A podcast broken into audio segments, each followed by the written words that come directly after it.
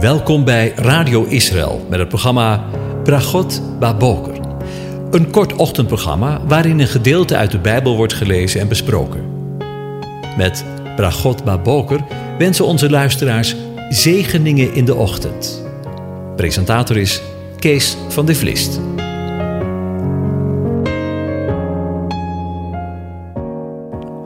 Goedemorgen, luisteraars. Vanmorgen denken we weer verder na over het vervolg van Psalm 119 en daarvan de versen 38 tot en met 40. Ik lees ze aan u voor. Bevestig uw belofte aan uw dienaar, die uw vrezen is toegedaan. Wend van mij af de smaad waarvoor ik beducht ben, want uw bepalingen zijn goed. Zie, ik verlang naar uw bevelen, maak mij levend door uw gerechtigheid. Tot zover. Over smaad gesproken. De dichter van de psalm vraagt in het eerste vers aan de Heere God om zijn belofte aan hem te bevestigen. Tja, dat is eigenlijk de eerste vraag die bij mij opkomt wat de belofte van de Heere God is die aan de dienaar gedaan is. Met andere woorden, wat belooft God aan hem of haar die hem dient? Geluk en voorspoed? Een leven dat gladjes verloopt? Of misschien een mooie maatschappelijke carrière? Of een plaatsje in de ouderlingenbank of in de broederraad? Of de invulling van jouw gebedslijstje, waarin we hem soms talloze vragen stellen? Helaas, ik ga je teleurstellen. Dat allemaal niet. Voor de Heere zijn dat allemaal dingen van ondergeschikt belang. In ons leven gaat het om Hem en om Hem alleen. En wanneer we verlangen naar Hem, dan zal Hij ons zegenen. Lees maar in het laatste vers dat we gelezen hebben. Zie, ik verlang naar uw bevelen. Maak mij levend door uw gerechtigheid. De schrijver verlangt te leven. En misschien denk je, dat doe ik toch al? Maar ik heb nooit de woorden van een oude Bijbelleraar vergeten, die zei: Als je niet in de Heere God gelooft, dan besta je wel, maar leef je niet. Tja, dat zijn van die uitspraken die bij je blijven hangen. Zonder God in je leven besta je wel, maar leef je niet. Want, zegt Jezus in zijn omwandeling op aarde, ik ben de weg, ik ben de waarheid en ik ben het leven. Tegenwoordig worden we nogal eens opgeroepen om het leven te vieren. Maar het werkelijke leven ligt alleen in een leven met Hem. Dan vervolgt de schrijver van de psalm met de woorden: Wend van mij af de smaad, waarvoor ik beducht ben, want uw bepalingen zijn goed.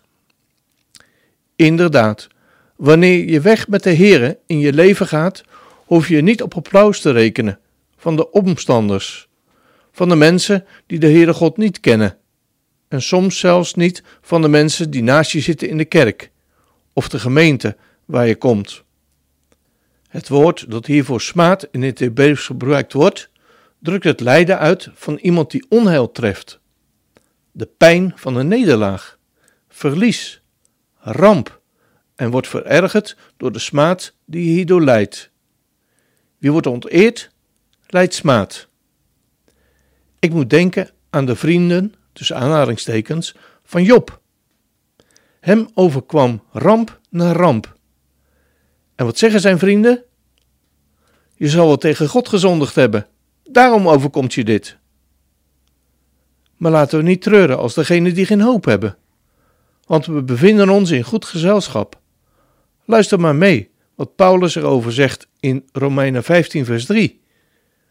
Want ook Christus heeft niet zichzelf behaagd, maar, zoals geschreven staat, al de smaad van hen die u smaden, is op mij gevallen.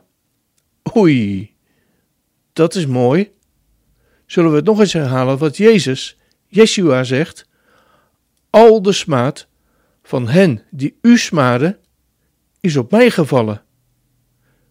En dan moet ik denken aan Mozes, wat er over hem geschreven is in Hebreeën 11, vers 24. Door het geloof heeft Mozes, toen hij groot geworden was, geweigerd een zoon van de dochter van de farao genoemd te worden. Hij koos er liever voor met het volk van God slecht behandeld te worden, dan voor een ogenblik het genot van de zonde te hebben. Hij beschouwde de smaad van Christus als grotere rijkdom dan de schatten in Egypte, want hij had het loon voor ogen. En ik moet ook denken aan de bemoediging van Paulus aan zijn jongere zoon in het geloof, wanneer hij schrijft aan Timotheus: De oefening van het lichaam is weinig nut, maar de godsvrucht is nuttig voor alle dingen, omdat zij de belofte van de tegenwoordige en het toekomende leven heeft. Dit is een betrouwbaar woord en alle aanneming waardig, want daarvoor spannen wij ons ook in en worden wij gesmaad omdat wij onze hoop gevestigd hebben op de levende God, die een behouder is van alle mensen, in het bijzonder van de gelovigen. En nog een keer. Wij worden gesmaad, omdat we onze hoop gevestigd hebben op de levende God. En laten we ons oor eens te luisteren leggen wanneer Jezus zijn discipelen onderwijs geeft in Matthäus 5, vers 11. We lezen daar toen Jezus de menigte zag, ging hij op de berg. En nadat hij was gaan zitten, kwamen zijn discipelen bij hem. En hij opende zijn mond en onderwees hen. Hij zei: Zalig zijn zij die vervolgd worden, om de gerechtigheid, want van hen is het koninkrijk der hemelen. Zalig bent u, wanneer men u smaadt en vervolgt, en door te liegen allerlei kwaad tegen u spreekt, omwille van mij. Tja, wat is een beetje minachting die ons misschien overkomt in het licht van wat er andere broers en zussen van mij overkomt in de land, die in landen wonen waarin het verboden is om de Heere God te geloven. In de gevangenis geknikkerd worden, geslagen, gemarteld en zelfs gedood worden? Weet je dat er wereldwijd acht christenen per dag gedood worden omdat zij de Heere niet willen verloochenen? En laten we niet vergeten wat de Joden overkomen is. Zes miljoen mensen die, vergeef me het woord, als varkens werden afgevoerd in de gaskamers, alleen maar omdat ze Jood zijn? Wat heeft de tegenstander geprobeerd om hen uit te roeien? Maar Gods woord houdt stand, want Hij heeft beloofd: Hoor nu, mijn knecht Jacob en Israël, die ik verkoren heb, zo zegt de Heere uw maker en uw voormidder, van de buik af die u helpt. Vrees niet, o Jacob, mijn knecht, en gij, Jeschuren, die ik verkoren heb, want ik zal water gieten op de dorstige en stromen op het droge. Ik zal mijn geest op uw zaad gieten en mijn zegen op uw nakomelingen. En zij zullen uitspruiten tussenin het gras, als de wilgen aan de waterbeken. Deze zal zeggen, ik ben de Sere, en die zal zich noemen met de naam van Jacob. En gene zal met zijn hand schrijven: Ik ben de Sere. En zich noemen met de naam van Israël. Zo zal het gaan met het volk Israël, want zijn woord staat vast. Maar ook voor ons, die nu in deze tijd hun hoop op hem gesteld hebben. Luister maar mee met Paulus wanneer hij daarover spreekt met de mensen in Efeze. Bedenk daarom dat u, die voorheen heidenen was in het vlees, en die onbesnedenen genoemd werd, door hen die genoemd worden besnijdenis in het vlees, die met de hand gebeurt, dat u in de tijd zonder Christus was, vervreemd van de burgerschap van Israël, en vreemdelingen naar wat betreft de verbonden en van belofte. U had geen hoop en was zonder God in de wereld. Maar nu, in Christus Jezus bent u, die voorheen veraf was, door het bloed van Christus dichtbij gekomen. Want Hij is onze vrede, die beide één gemaakt heeft. En door de tussenmuur, die scheiding maakte, af te breken, heeft Hij de vijandschap in zijn vlees niet gedaan, namelijk de wet van de geboden, die uit bepalingen bestond, opdat Hij die twee in zichzelf tot één nieuwe mens zou scheppen en zo vrede zou maken, en opdat hij die beide in één lichaam met God verzoenen zou door het kruis waaraan hij de vijandschap gedood heeft.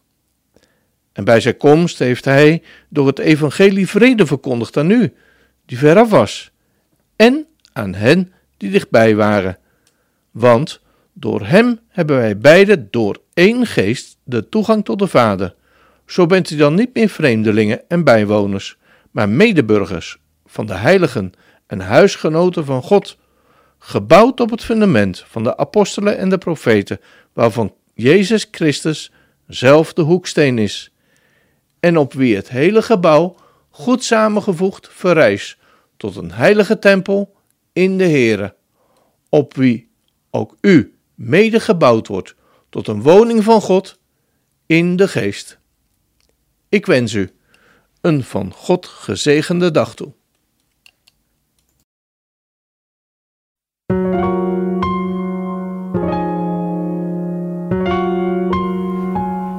U hebt geluisterd naar het programma Bragot Baboker. Een kort ochtendprogramma waarin een gedeelte uit de Bijbel wordt gelezen en besproken. Wilt u het programma nog eens naluisteren, dan kan dat. Ga naar radioisrael.nl en klik onder het kopje radio op Uitzending gemist.